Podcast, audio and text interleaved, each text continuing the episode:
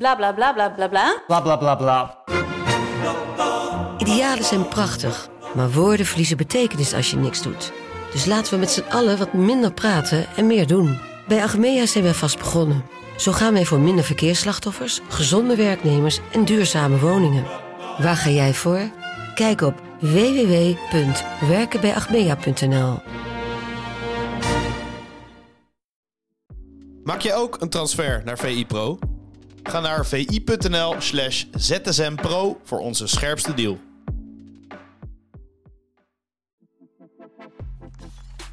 Bas, goedemorgen. Goedemorgen. Welkom in eh, weer een nieuwe VZSM. De Ja. dag na de Classico. De dag Mm. na de klassieker. Ja, laten we eens beginnen met de klassieker. Ehm, tactische zaken, doelpunten, eh, de hand van de trainers, de wissels. Het is allemaal totaal niet relevant.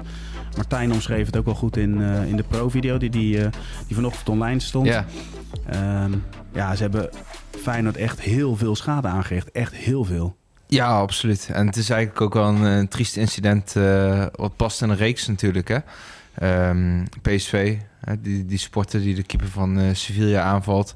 Spreekoren, vuurwerkincidenten. Afgelopen weekend. Eh, ik zat zelf in Spanje, maar ik begreep dat AZ. Heerenveen nog eh, stil was gelegd. Ja, incident bij Groningen met Jetro Willems. Ja, ja, dus ja, je moet wel. Ja, het is wel een bredere reeks, zeg maar. Je kunt het niet loszien van alles wat er al eh, gebeurd is. En eh, nou, ik moet zeggen, ik, eh, ja, de sfeer in de Nederlandse stadions bij dit soort duels, het is eigenlijk niets meer voor mij. Ik, eh, ik heb op de tribune gezeten bij, eh, bij Dortmund, bij Liverpool, eh, bij Atletico, gewoon als supporter. En daar zie ik geen eh, vrachtladingen vuurwerk. Daar zie ik geen hele groepen in zwart gekleed. Eh, daar is het gewoon ja, veel ontspannender. De sporters lopen buiten het stadion ook tussen elkaar door. Niemand slaat Ja. elkaar de hersens in. Maar het is niet minder fanatiek. Hè? De voetbalbeleving, ik vind dat dat wel een beetje verwacht wordt. Alsof, alsof je per se eh spreekoren moet hebben. Ja, maar zit het niet in de vrijheid die je hier hebt? Want je kan het doen, want er, er volgen toch geen sancties. Dat is toch het hele probleem? Ja, ook dat. Een, nou ja, ik denk dat de combinatie is van eh, onvoldoende straffen en een eh, gebrek aan fatsoen. Ik denk ook wel dat clubs een beetje kunnen in de spiegel moeten kijken. Ik weet, natuurlijk, clubs zullen ongetwijfeld eh, er alles aan doen om, om zo goed mogelijk mee om te gaan. Maar, en ze zullen ook in de maag zitten met dit soort groepen, hè, met dit soort supporters. Maar toch, hè, moet, je, moet je die opzwepende muziek blijven draaien? Eh, moet je eh, af en toe zelf ook een vuurwerkactie faciliteren. Ik vind dat je dat wel serieus kunt afvragen. Ja, eens. Ja, en, en- en, trek het ook eens breder. Want nu, ja, het inzetten van politie, het kost heel veel geld, het kost heel veel eh, personeel. Ja, Soms denk ik wel eens van, ja, moet, je daar niet gewoon van afzien en, en de clubs het lekker zelf laten regelen? Van joh, zorg voor je eigen veiligheid, zorg voor je eigen veiligheidspersoneel. ja. En eh, laat de politie eh, vooral het werk doen ja, waarvoor ze eigenlijk Ja. er, er zijn. Niet, niet, laat maar zeggen, onzinnige zaken bij een voetbalstadion, maar gewoon echt helpen waar mensen echt hulp nodig hebben. Nou, als je ook leest hè, dat... ik kom zelf uit Noord-Brabant. Als je bij ons eh, in de regio kijkt... eh, het, eh, het percentage van opgelo- opgeloste inbraken, zeg maar... hoe vaak iemand gepakt wordt op inbraak... Nou, dat is echt schrikbarend laag. Ehm, dus ik denk niet dat je inderdaad de oplossing voor dit probleem... bij de politie moet zoeken. Want die, die hebben volgens mij al druk genoeg. Ehm, ja, ik denk ja, toch dat clubs ja, moeten gaan kijken... naar hoe, hoe ze hier beter mee om kunnen gaan. Hè? Want kijk, nu wordt er heftig gereageerd zodra er een incident is. Hè? De aansteker is raak, zeg maar. En we spreken er schande van. Gaat die twee centimeter daarnaast, dan hebben we het er niet eens meer over. Precies. Hè? Dat, dat wordt gewoon eh, volstrekt normaal gevonden. Hetzelfde met vuurwerk. Dat de aftrap eh, van een wedstrijd telkens twee, drie minuten van dit soort topwedstrijden wordt uitgesteld. Omdat, ja, het is ook geen gezonde actie, toch? Ik bedoel, natuurlijk, er zullen- zullen sporters zijn die ervan genieten. Maar ik denk ook dat op het tribunedeel eh, vaders met kinderen staan... waarvan de kinderen er wat minder blij mee zijn. Eh, met ademhalingsproblemen eh, of wat dan ook. Ja. Het is ook een beetje... Ik, ik zat gisteren ook ehm Barcelona Real Madrid te kijken. En daar belandt op een gegeven moment een aansteker op het veld. Eh, de scheidsrechter pakt die aansteker op, loopt naar de vierde man. zegt tegen iemand van Barcelona dat er omgeroepen moet worden... dat er niets meer op het veld gegooid mag worden. Wacht gewoon hè, tot er omgeroepen wordt. Het publiek wordt een beetje ongeduldig daarvan, weet niet precies wat er aan de hand is. Maar die wedstrijd wordt gewoon stilgelegd omdat er één aansteker op het veld ligt. Niet omdat de speler geraakt wordt, omdat er één op het veld ligt. En dat ze dat gewoon niet willen hebben. En ik denk dat in Nederland de laatste jaren al die grens eh, veel te veel is opgeschoven naar dat er eigenlijk veel te veel wordt toegestaan. En uh, nou, er is een supporter die een keeper aanvalt, daar spreken we schande van. Uh, Klaas wordt geraakt, spreken we schande van. Maar gewoon het ja, bijna alledaagse gedrag in die stadions met dingen die op het veld worden gegooid, met bierdouches, dat soort zaken. ja, in mijn ogen gaat het al veel te ver. Eh, maar, maar ook als je naar de spelers kijkt en naar de trainers na afloop. Eh, Kukje werd ook gevraagd van ja, hadden we wel door moeten spelen of niet? Dan denk ik van ja, weet je, is dat dan ook eerlijk om, om zo'n vraag aan zo'n jongen te stellen? Want uh, de voetbalkalender zit zo ram en ram vol. Dus inhalen, dat, dat, dat is bijna niet mogelijk met het programma dat er is. Maar de andere kant is van ja, wat, wat verwacht je nou? Want, want Slot gaf aan eerst uur. Nou, best een, een, een mooie wedstrijd, weet je. Er mm. gebeurde heel veel. Er zat heel veel, nou ja, power, heel veel, uh, ja, moet ik zeggen, energie in. Dus het gebeurde van twee kanten gewoon heel veel. Maar daarna hebben we een totaal andere wedstrijd gezien. Ja, ik denk het is lastig, want je legt uh, verantwoordelijkheid neer bij uh, een deel van de verantwoordelijkheid bij spelers en bij trainers. Hè. Niet terecht. Nee, ik zeg John de Wolf.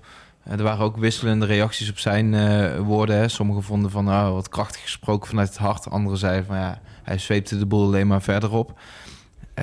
ja, het is lastig, want je belandt in een situatie waarin je het eigenlijk nooit goed kunt doen.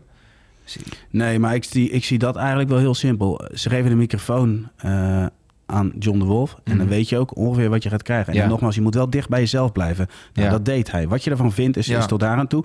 De vraag is of hij dan de persoon zou moeten zijn, dat, daar kun je altijd over twisten. Maar nogmaals, uh, nou, nou hebben we het over John de Wolf. Die, die moet iets oplossen waarvoor hij helemaal niet aangesteld is. Hij is assistent-trainer van Arne Slot.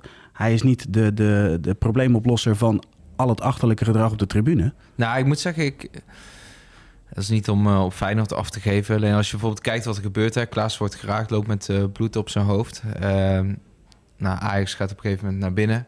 Zie je best veel Feyenoorders uh, bij de scheidsrechter staan. Ik snap dat het het heetst van de strijd is. Hè, van, dat ze graag door willen spelen, dat ze achter staan.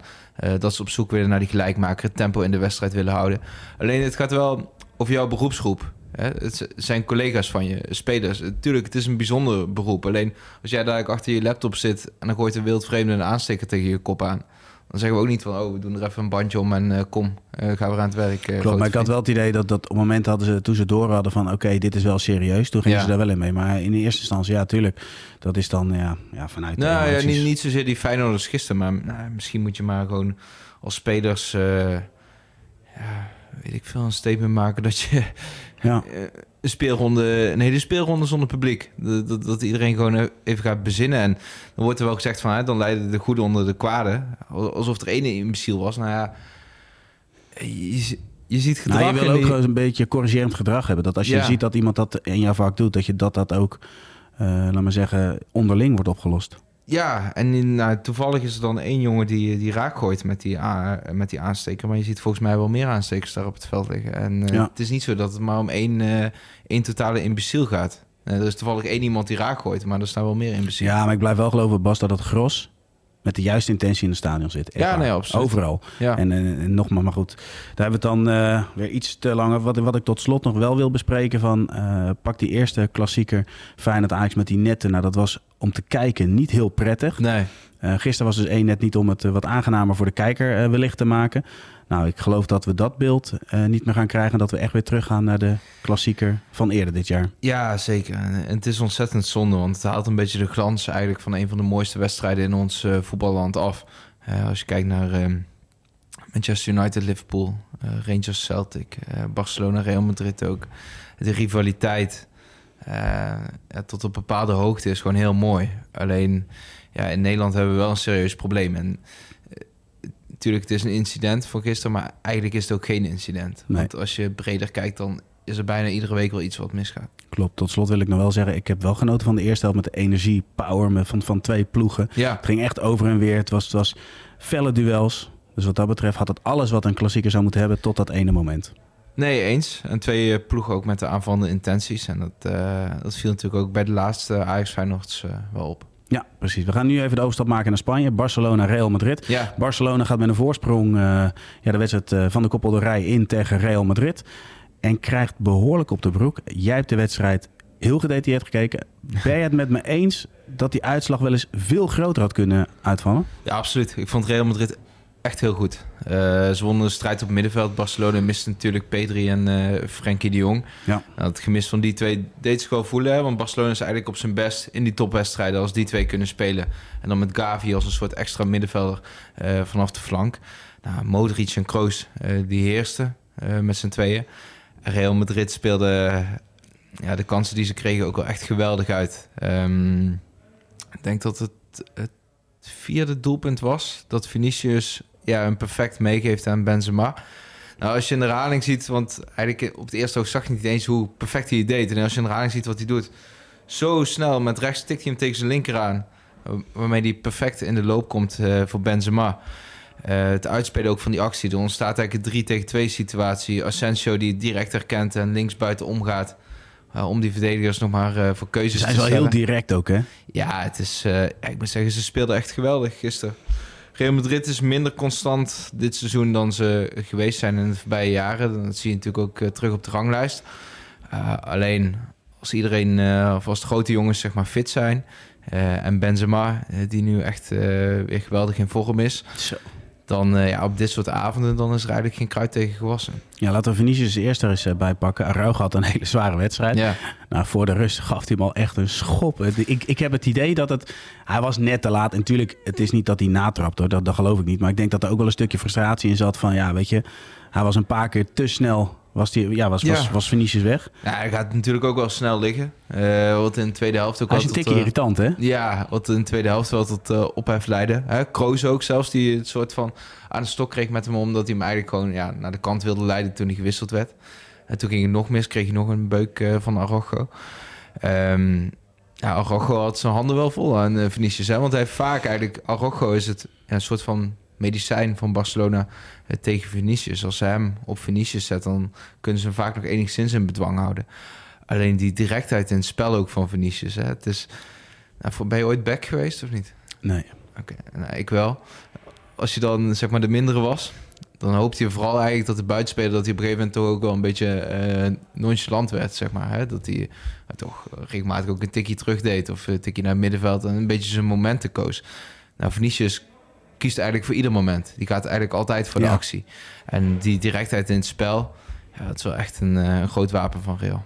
Ja, precies. Ik vond eh, jammer dat Camavinga ook uitviel. Want die vind ik de laatste week ook Ja, echt goed. En, leuk om naar te kijken. Ja, nou, absoluut. Een geweldige atleet ook.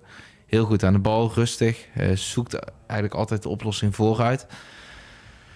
En Barcelona was eh, ja, absoluut niet top. En eh, ja, Real geeft het denk ik vooral ook wel een boost richting knock-out fase Champions League. Hè? Toch weer zo'n Ja, grote precies, want test. La Liga, dat is wel klaar. Toch? Ondanks, als je, als je naar de wedstrijd kijkt, dan denk je... hoe is het mogelijk Ja, dat Real Madrid op zo'n achterstand staat? ja. Maar dat gaat Barcelona niet meer weggeven. Nee, nee, dat eh, zie ik echt niet gebeuren. Nee. Nee, precies. Wil je nog één speler specifiek uitlichten uit die wedstrijd? Je noemde net al de naam van Benzema. Wil je daar nog iets over kwijt? Want die is de laatste weken ook alweer... Het is natuurlijk een tijdje rondom dat WK even wat Ja. minder.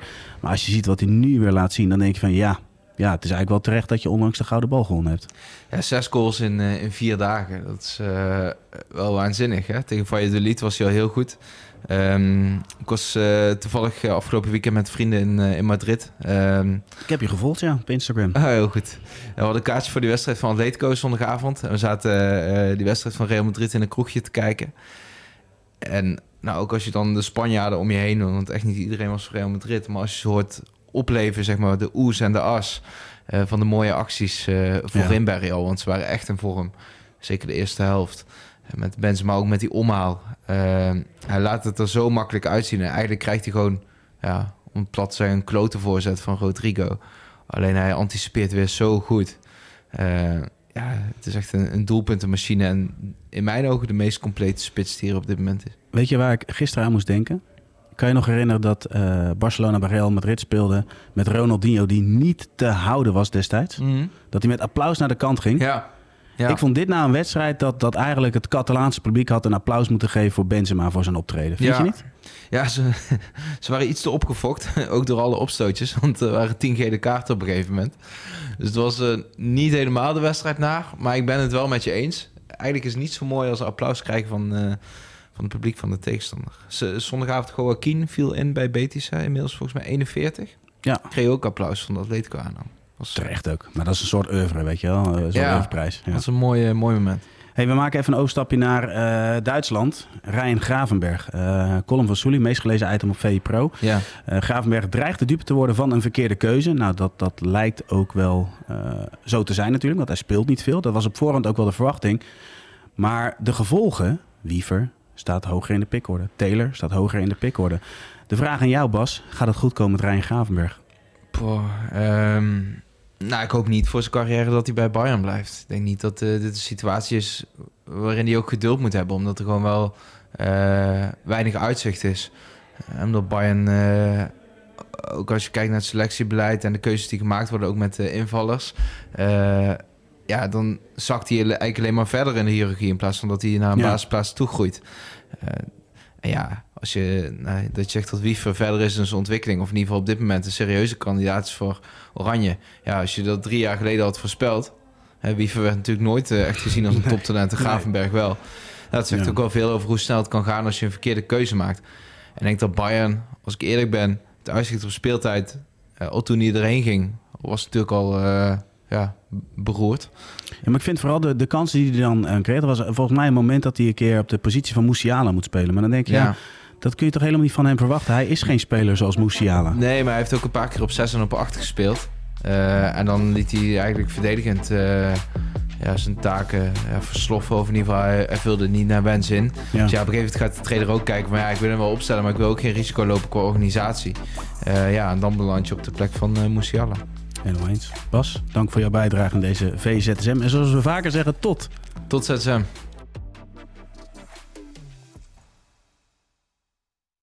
Maak jij ook een transfer naar VI Pro? Ga naar vi.nl slash zsmpro voor onze scherpste deal.